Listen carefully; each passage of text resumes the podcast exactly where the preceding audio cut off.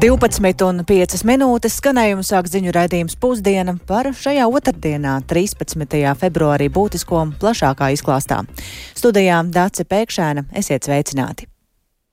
Latvijā joprojām nav sistēmas, kā nodrošināt zāļu krājumus ārkārtas situācijās, kad starptautiskās piegādes Latvijā var tikt traucētas, un tas ir īpaši svarīgi ņemot vērā ka absolūts vairākums 94% no mūsu tirgu esošajiem medikamentiem ir importēti. Un, lai arī pat laban ar kritisko zāļu pieejamību problēmu nav un uh, zāļu apgādes sistēma darbojas labi, joprojām neatrisināts jautājums ir par valsts zāļu rezerves fondu krīzes situācijām. Par to šodien diskutē eksperti un viņu spriestiem līdzi seko Agnija Lazdiņa. Šobrīd uz brīdi Agnija ir pievienojusies mums studijā. Sveika, Agnija! Kas tad līdz šim ir izrunāts un kāda ir tā situācija mums ar zāļu pieejamību X stundā? Uh, aptuveni 40% zāļu Eiropas Savienībā tiek importētas, bet, ja skatās uz Latviju, tad Latvija ir ļoti atkarīga no importa. Un, uh, nu, ko tas nozīmē? Ja zāļu piegāde kādā posmā apraujas, tas ierobežo ārstus terapijas izvēlē, būtiski ir ietekme uz sabiedrības veselību, augstākās veselības aprūpas izmaksas valstī un pacientiem, paliek un arī novēlot vai mazāk efektīva terapija pacientiem. Tāpat arī var būt pacientu šķirošana, papildu noslodz ārstiem un farmaceitiem un galvenokārt kritisko medikamentu trūkums rada dzīvības apdraudējumu. Un eh, iemesli, kāpēc Eiropas Savienībā zāles trūkst, ir dažādi, kā piemēram eh, dažādas birokrātiskās prasības, ražošanas procesi, piemēram dabas katastrofas vai plūdi un uh, citi um, arī veidi, tāpat arī izēvielu piegāde, jo 60 līdz līdz 80% aktīvo farmaceitisko vielu Eiropas ražotājiem ražo Ķīnā vai Indijā, kā arī cenu politika, jo, ja zāles ir lētākas, tad tās arī ir mazāk pieejamas tirgu. Un kā Latvijas televīzija šorīt skaidroja Latvijas Nacionālās zāļu apgādes asociācijas valdes loceklis Jānis Līpķens, tad 94% eh, zāļu Latvijā nokļūst importa veidā un tikai 6% mēs saražojam šeit pat uz vietas. Un Covid-19 pandēmija esot bijusi laba mācība visiem, kad varēja sajust jau pirmos pirmos pārbaudījumus, kad zāļu apgādes procesa ķēdes tikušas traucētas. Tāpēc viņš uzsver, ka uz brīnumiem nevajadzētu gaidīt, jo problēma ir aktualizēta jau 2022. gadā.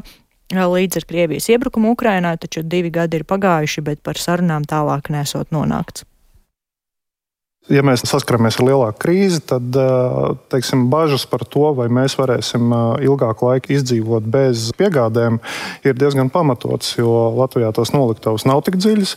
Vidēji krājumi ir mēnesim, bet atsevišķām zālēm tie krājumi arī ir īsāki. Mēs paļaujamies uz to, ka notiks regulāras piegādes, kā tas ir bijis līdz šim, miera laikos, bez krīzēm, bez ekscesiem. Un, ja kaut kas šajā ierastajā ķēdītē pārtrūks, tad nu, tā situācija ir tāda, kāda ir. Mēs paliekam ar to, kas mums ir. Uh, lai importu mazinātu, svarīgs esot valsts atbalsts jaunu produktu izstrādē, jo kopumā Latvijā ir 20 zāļu ražotāji, kas var un jau arī ražo dažāda veida medikamentus, bet uh, medikamentu pieejamība ir arī Eiropas Savienības prioritāte, un pērn Eiropas komisija un Eiropas zāļu aģentūra apstiprināja Eiropas Savienības kritiski svarīgo zāļu sarakstu, kuru piegāžu nepārtrauktība ir šī prioritāte, un tāpat arī Eiropas komisija publicēja ziņojumu, kurā uzsvēra, ka medikamentu fiziskā pieejamība iegūst ar vien lielāku lielāku aktualitāti, un valstīm arī nacionālā līmenī ir jāmeklē risinājumi pietiekumu krājumu izveidē, lai nodrošinātu iedzīvotājiem nepārtrauktu zāļu pieejamību. Un kā liecina Norstat pētījuma dati, tad eh, katrs trešais veselības aprūpas speciāls, speciāls vai speciālists vai farmaceits Latvijā pēdējo četru gadu laikā bieži sastapies ar medikamentu trūkumu. Un uh, biežākais iemesls ir atkarība no importa, jeb piegādes ķēžu traucējumu un ārvalstu ražotāju kvotu dēļ, un visbiežāk trūkstot antibiotiku, sirds un asinsvadu slimību un preddiabēta medikamentu, kas ir būtiski, tad uh, seši no desmit uh, Latvijas mediķiem un farmaceitiem netic Latvijas valsts gatavībai nodrošināt medikamentu pieejamību krīzes situācijās. Savukārt septiņi no desmit veselības aprūpas darbiniekiem un farmaceitiem nezina, kā notiktu medikamentu apgāde krīzes apstākļos. Līdz ar to kopumā mediķi un farmaceiti uzsver, ka Latvijā ir jāveido medikamentu rezerves fonds un arī jāveicina šī informētība par visu. Un, Arī ārsti un neiroloģi un Ukrainas atbalsta biedrības Siču vadītāja Oksana Sičko uzsver, ka ir jāgatavojas karam un tad arī būšot miers valstī, un viņa aicina ņemt vērā gan Covid-19 pandēmiju, gan arī Ukrainas kļūdas Latvijai, proti to, ka Ukraiņiem sākotnēji nesot bijušas izveidotas medikamentu rezerves.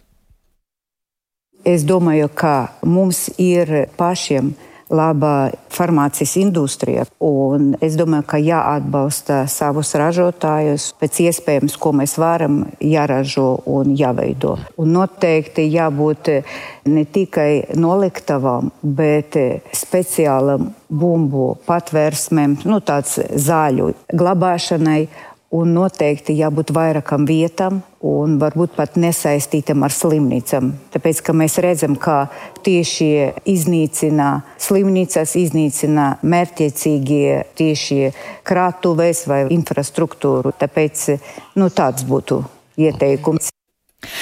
Kas ir jādara, lai mēs būtu gatavi šai X stundai? Tad ir jāizveido nacionālā līmeņa valsts zāļu rezerves sistēma un jāizstrādā skaidri algoritmi zāļu apgādēji ārkārtas situācijās. Savukārt, ja runājam tādā iedzīvotāja līmenī, tad noteikti nav vajadzības iepirkt lielu daudzumu zāļu, jo tām ir ne tikai derīguma termiņš, bet nav arī vajadzības to vienkārši darīt. Un nozares pārstāvi iesaka vien glabāt svarīgāko, kam mājās vienmēr esot jābūt, kā piemēram pārsienamie materiāli, līdzekļi, ar ko apstrādāt brūci brūces, dažādi pretsāpju un temperatūras samazināšanas medikamenti, un arī, protams, attiecīgi cilvēkiem ar hroniskām saslimšanām ir jābūt tām zālēm, kas ir nepieciešamas.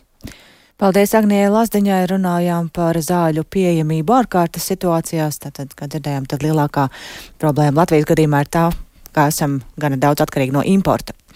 Bet par citiem notikumiem tuvajos austrumos turpina pieaugt bāžas par Izraels plānoto ofensīvu gāzes joslas dienvidos esošajai Rafāhai. Pilsētā un tās apkārtnē atrodas vairāk nekā miljonus cilvēku, un Izraela rosina evakuēt cilvēkus uz telšu nometnēm, aicinot evakuācijā palīdzēt arī ANO organizācijām. Tomēr ANO pārstāvis noraidījis organizācijas iesaistīšanos piespiedu pārvietošanā un plašāk par situāciju Gazas joslā ir gatavs stāstīt eh, Rihards Plūme. Sveiks, Rihard! Jā, nu šobrīd situācija Rafāhā eh, un tās apkārtnē ir saspringta, jo Izraela plāno īstenot šo militāro ofensīvu pilsētas virzienā, taču cilvēkiem vienkārši nav kur bēgt, un cilvēku skaits tur ir ļoti liels. ASV un ANO ir brīdinājušas, ka pirms jebkādas tālākas ofensīvas Gazas joslas dienvidos ir obligāti jāparūpējas par cilvēku aizsardzību, un tas, ko Izraela piedāvā, ir, ka cilvēks varētu evakuēt uz plašām telšu nometnēm. Par to vēsta ASV laikraksts The Wall Street Journal. Esot plāns izveidot 15 šādas nometnes, katrā no tām aptuveni 25 tūkstoši telšu, un tās atrastos Gazas joslas dienvidu rietumu daļā un Ēģipte, kas robežojas ar Rafāhu, būtu atbildīga par šo nometņu un lauku hospitāļu izveidošanu. Izraels valdība ir arī aicinājusi ANO organizācijas, kas strādā šajā reģionā, palīdzēt evakuēt civiliedzīvotājus no Rafāhas. Bet ANO runas vīrs Stefans Dujārīgs gan norādījis, ka organizācija nepiedalīsies nekādā civiliedzīvotāju piespiedu pārvietošanā. Paklausīsimies. Our colleagues, our humanitarian colleagues in the Office for the Coordination of Humanitarian Affairs. Mūsu humanās palīdzības kolēģi Humanās palīdzības koordinācijas birojā ziņo, ka triecieni Rafahā ir pastiprinājuši bažas par eskalāciju šajā Gazas dienvidu pilsētā, kur simtiem tūkstošu palestīniešu ir meklējuši patvērumu. No 1,7 miljoniem cilvēku, kas pārvietoti Gazā, lielākā daļa atrodas Rafahā un tās apkārtnē, kur tagad notiek humanās palīdzības operācijas. Mēs vēlamies nodrošināt nodrošināt, ka viss, kas notiek, tiek darīts pilnībā ievērojot starptautiskās tiesības, pilnībā ievērojot civiliedzīvotāju aizsardzību. Mēs nepiedalīsimies cilvēku piespiedu pārvietošanā. Pašlaik Gazā nav drošas vietas.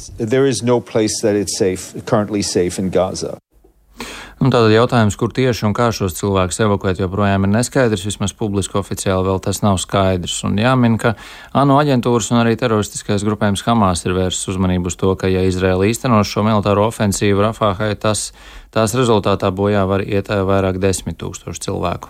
Tikmēr turpinās arī sarunas par miera panākšanu Gazas joslā un ķīlnieku atbrīvošanu, kā ar šīm sarunām sokas. Jā, sarunas patiesi turpinās, un starpnieces sarunās ir Katara, Eģipta un ASV, un tieši šodien Savienoto valstu centrālās izlūkošanas pārvaldes direktoram Viljamam Bērnsam Kairā paredzēts jauns sarunu rauns par pamieru. Tikmēr vakar Baltijā namā tā saimnieks Džo Baidens tikās ar Jordānijas karali Abdullu II un norādīja, ka šobrīd tiek pielikts pūles, lai panāktu vismaz sešu nedēļu pamieru Gazas joslā.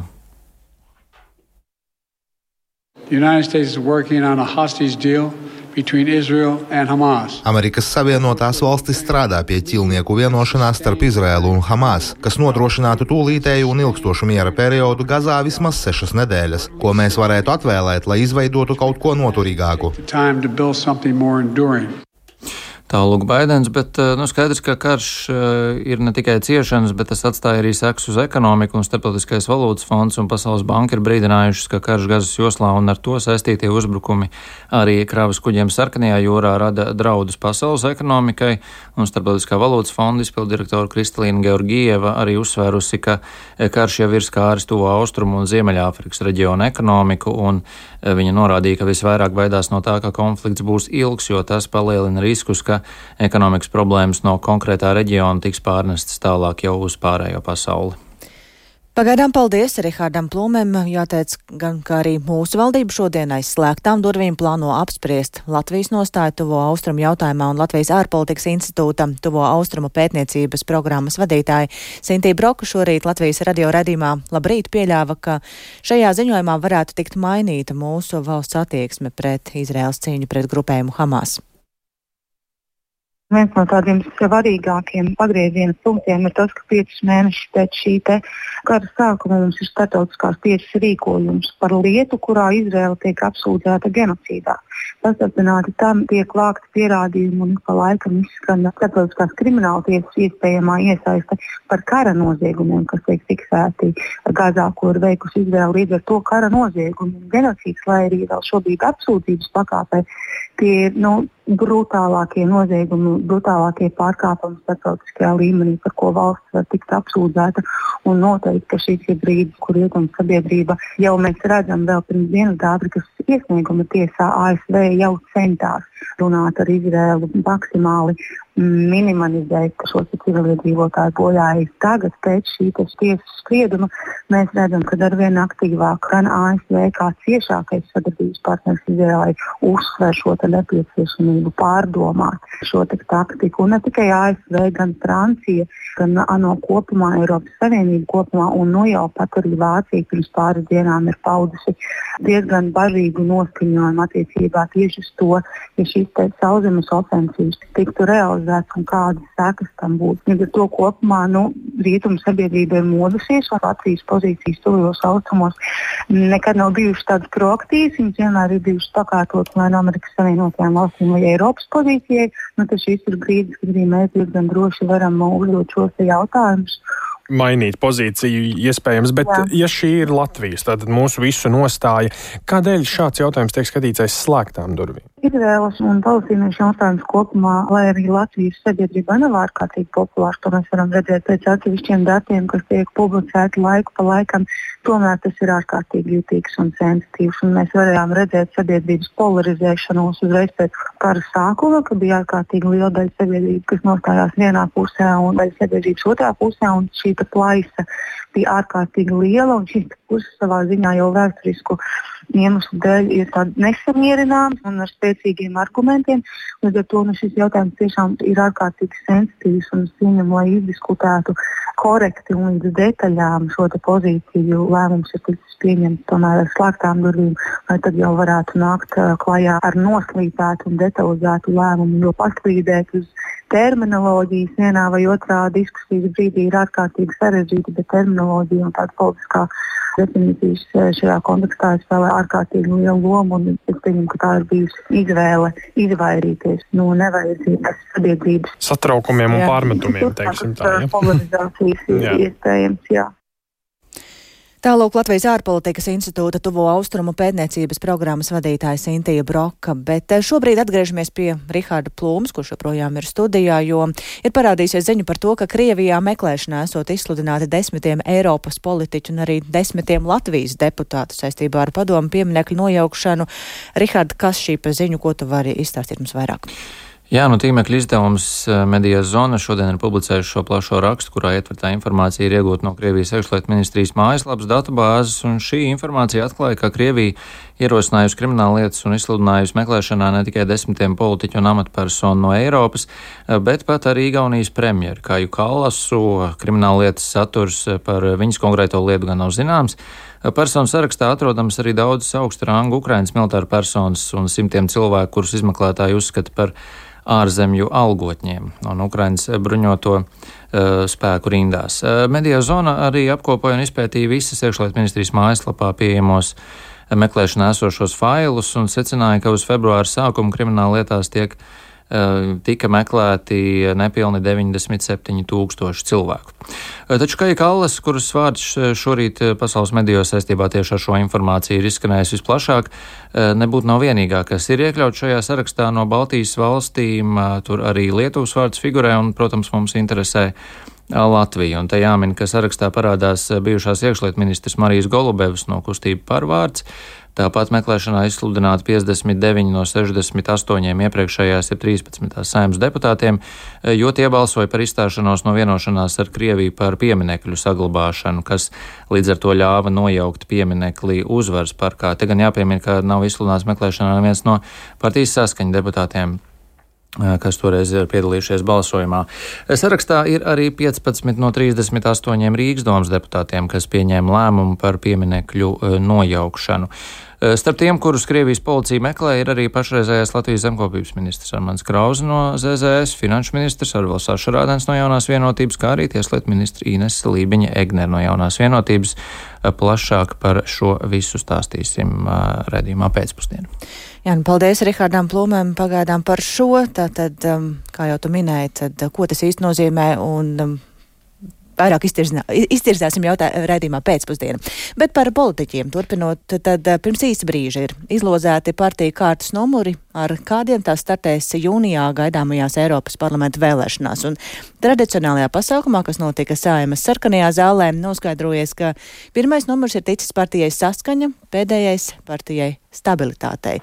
Izlivozes norisei ir sekos līdzi kolēģis Jānis Kīncis. Sveiks! Jā. Jā, sveicināti par deviņām Latvijai Eiropas parlamentā paredzētajām vietām cīnīsies 272 kandidāti no 16 politisko spēku sarakstiem. Mm, kārtas numuru izraudzīšana ierasti notiek dažas dienas pēc tam, kad Visi saraksti ir iesniegti Centrālajā vēlēšana komisijā, un arī pirms pieciem gadiem Eiropas parlamenta vēlēšanās Latvijā piedalījās 16 politiskie spēki, no kuriem ievēlēja piecu sarakstu pārstāvjus. Un šī kārtas numura izloze notika itin raiti. Vēlēšanu dalībnieku sarakstu pārstāvji pa vienam vai pa diviem nāca tādā kārtībā, kā sarakstus reģistrēja Centrālajā vēlēšana komisijā. Uz galda bija 16 apzīmogots aploksnes, un kandidāti izlozēja savu sarakstu kārtas numuru. Pirmais numurs tātad tika partijai saskaņa, bet pēdējais partijai stabilitātei. Ar visu secību varēs iepazīties Centrālās vēlēšana komisijas mājaslapā. Un, jā, politisko spēku pārstāvji uz šo izlozēto numuru reaģēja dažādi. Lielākoties tomēr šim skaitlim pārāk lielu uzmanību nepievēršot. Lūk, ko teica politikā daudz pieredzējušie Aleksandrs Kirsteins no saraksta Tauta Zeme valsts un Jānis Rērs no jaunās vienotības. Tauta, zeme, valsts nevērtē lielu nozīmi numuram, jo šis mums nav sprints, bet maratons. Paldies! Pieredze rāda, ka svarīgāk ir padarītie darbi, un eh, es domāju, jebkurā veidā, jebkurā numurā būtu ļoti izdevīgi un eh, labi startot ar eh, valdu priekšlikumu. Svarīgāk par kārtas numuru vēlēšanu sarakstā ir visu Eiropas parlamentā ievēlēto Latvijas pārstāvju spēja sadarboties, bet pirms tam mudināt iespējami daudz vēlētāju piedalīties šajās vēlēšanās. Tā savukārt norādīja apvienotā saraksta komandas līderis Reinis Pozņaks, kurš vēlēšanās piedalās pirmo reizi. Konkurence ir, ir laba. Es, es ceru, ka tiks gan pieredzējuši, gan jaunas balss. Galvenais ir, lai pēc tam visi kopā spētu darboties Latvijas interesēs. Ceru, un man liekas, ka tas ir viens no visu kandidātu galvenajiem uzdevumiem šoreiz nu, mobilizēt vēlētājus, lai atnāk. Jo nu, tā puspa jokam varētu teikt, ka šie pieci gadi ir Eiropā manuprāt, izšķiroši. Un uz šīm vēlēšanām ir jāatnāk, lai mierīgi varētu nenākt atkal uz nākamajām. Un jāpiebilst, ka jau no aizvadītās sestdienas ir sācies priekšvēlēšanu aģitācijas periods. Tas ilgs līdz Eiropas parlamenta vēlēšanu dienai, 8. jūnijam. Un šajā laikā korupcijas novēršanas un apkarošanas birojas uzraudzīs, vai tīmeklī un publiskās vietās nav slēptu rek slēpto reklāmu un ievērot arī citi priekšvēlēšana laika ierobežojumi vēlēšanu dalībniekiem. Un arī pretendentu atbilstību likuma prasībām vēl pārbaudīs kompetentās iestādes, līdz ar to ja, ir iespējama arī kādu kandidātu izsvītrošana, taču pagaidām šādu ziņu Centrālajai vēlēšana komisijai nav. Paldies Jānim Kincim. Tad runājam par to, ka ir izlozēti Eiropas parlamenta deputātu kandidātu sārakstu numuri. Ja šis savā ziņā ir tāds svinīgs pasākums, tad daudz kārstākas diskusijas visticamāk saimā bija sporta apakškomisijas sēdē, kur turpinājās Sporta federācijas un izglītības ministrijas diskusijas par valsts naudas sadali sportā. Esam jau vairāk kārt stāstījuši, ka līdz ar jauno finansēšanas modeli jaun naudas piešķiršana sportistiem un arī federācijām kavējas, gads ir saplānots, bet finansējuma vēl nav. Man tiešādē tāpēc šobrīd pievienojas Lotārs Zariņš. Sveiks, Lotār! Tu sekoji līdz šai sēdēji. Diskusijas par jauno finansēšanas modeli tiešām ir bijušas daudz, vai šodien tu sadzirdēji arī kādas konkrētas atbildes? Sveika, Dārts, un sveika klausītāji. Nu, skaidrs ir tas, ka daļa federācija atbalsta iecerēto finansēšanas modeli, bet daļa nē. Un, nu, var teikt, sporta organizācijas ir divās nometnēs. Un, Šobrīd arī ir publiskoti 15 prioritārie sporta veidi, kur tad saņems valsts finansējumu. Tas notika piekdienā Nacionālās sporta padomas sēdē. Salīdzinājumā ar pērno gadu par vairāk nekā 140 tūkstošiem eiro vairāk saņems tieši Latvijas Futbola federācija, bet lielākie zaudētāji ir Latvijas Hokeja federācija, kas saņems par 35 tūkstošiem eiro mazāk valsts finansējumu nekā aizdītajā gadā. Nu, galvenais fokus, ko uzsver par sporta atbildīgās ministrijas pārstāvi, ir tas, ka uzmanība šobrīd ir vērsta uz jaunatnes sportu. Līdz ar to finansējuma sadalījums atbilstoši jaunajiem kritērijiem ir mainījies. Un tieši vārds pārmaiņas visvairāk arī ir sab sabangojis sporta sabiedrības viedokļus, kāpēc ir tik liela neziņa par šobrīd notiekošo. Dāce? Jā, Lotār, nu, diskusijas tas ir viens, bet reāli, kad sporta federācijas tad saņems šo naudu? Jā, nu šis ir jautājums, uz kuru atbildes gaida, gaida visas iesaistītās puses. Un plašsaziņas līdzekļos jau izskanējuši pārmetumi, ka finansējums kavējas, bet šī kavēšanās nav nekas jauns, jo arī iepriekšējos gados ir bijusi līdzīga situācija. Pašreizējais izglītības un zinātnes ministrijas sporta departamenta direktora pienākuma izpildītājs Juris Zīvārds norādījis, ka lēmuma projekts ar federācijām uh, plānot saskaņot jaunadēļ. Taču arī aktuāls jautājums, kad tiks publiskots viss saraksts ar federācijām, uh, cik kura tad saņems, jo līdz šim to darīja Latvijas uh, Sporta federācija padoma, kad publiskoja visas federācijas un arī viss vis kritērijas, cik kura ir saņēmusi. Un, lai sporta sabiedrība būtu arī lielāka skaidrība, un par to vairāk stāsta Juris Zīvārds šobrīd nu, tiešām notiek aktīvs darbs, lai visu šo informāciju apkopotu un tālāk jau varētu publiskot, jo darbs notiek sagatavots arī ar federācijām, lai tālāk diskusijas arī šie lēmumu projekti būtu pieejami katrai federācijai individuāli, jo viens ir atspoguļot kopējo sarakstu, bet lai nebūtu kaut kāda pārpratuma, sākotnēji mums ir nepieciešams, protams, ar katru federāciju individuāli, teiksim, tā sagatavot lēmumu projektu. Tā kā tas dienas skaits varbūt tās nu, nav daudz pagājis uz priekšu, lai mēs spētu varbūt tās tik ātri visas šīs te, teiksim, savu birokrātiskās darbības arī veikt, kas atbilstošiem kā noteikumiem mums ir jādara. Tas bija Juris Zīvards, un uh, viņš arī minēja, ka šodien tiksies arī ar Latvijas Omaskās komitejas pārstāvjiem, lai arī saka, nolīdzinātu neskaidros jautājumus. Un, uh, nu, šobrīd sporta departamentā darbojās kopumā astoņi cilvēki, kuriem tad arī ir tā pilna uzmanība kopumā vērsta uz šiem jautājumiem. Un cerība šo finansēšanas jautājumu sakārtot pēc iespējas ātrāk, bet uh, visdrīzāk izskatās, ka tas noslēgsies tikai mēneša beigās. Dace. Paldies Lotāram Zariņam. Tātad joprojām ir aktuāls jautājums par naudas piešķiršanu sportam, sportistiem, federācijām. Un ar šo stāstu tad izskan arī raidījums pusdiena, ko producēja Aiga Pelane, ierakstus montēja Renāša Steimanis par labskaņu rūpējās Īveta Zvejniece un ar jums sarunājās Dāca Pēkšēna. Vēl īsi par šodien būtisko Latvijā joprojām nav sistēmas, kā nodrošināt zāļu krājumus ārkārtas situācijās, par to diskutē eksperti. Tuvajos austrumos turpina pieaugt bažas par Izraels plānoto ofensīvu gāzes joslas dienvidos esošajai Rafāhai un izlozēti Eiropas parlamenta deputātu kandidātu saraksta numuri. Raidījums pusdiena ir klausāms arī sev ērtā laikā Latvijas radio mobilajā, mobilajā lietotnē. Bet mēs tiekamies atkal rīt.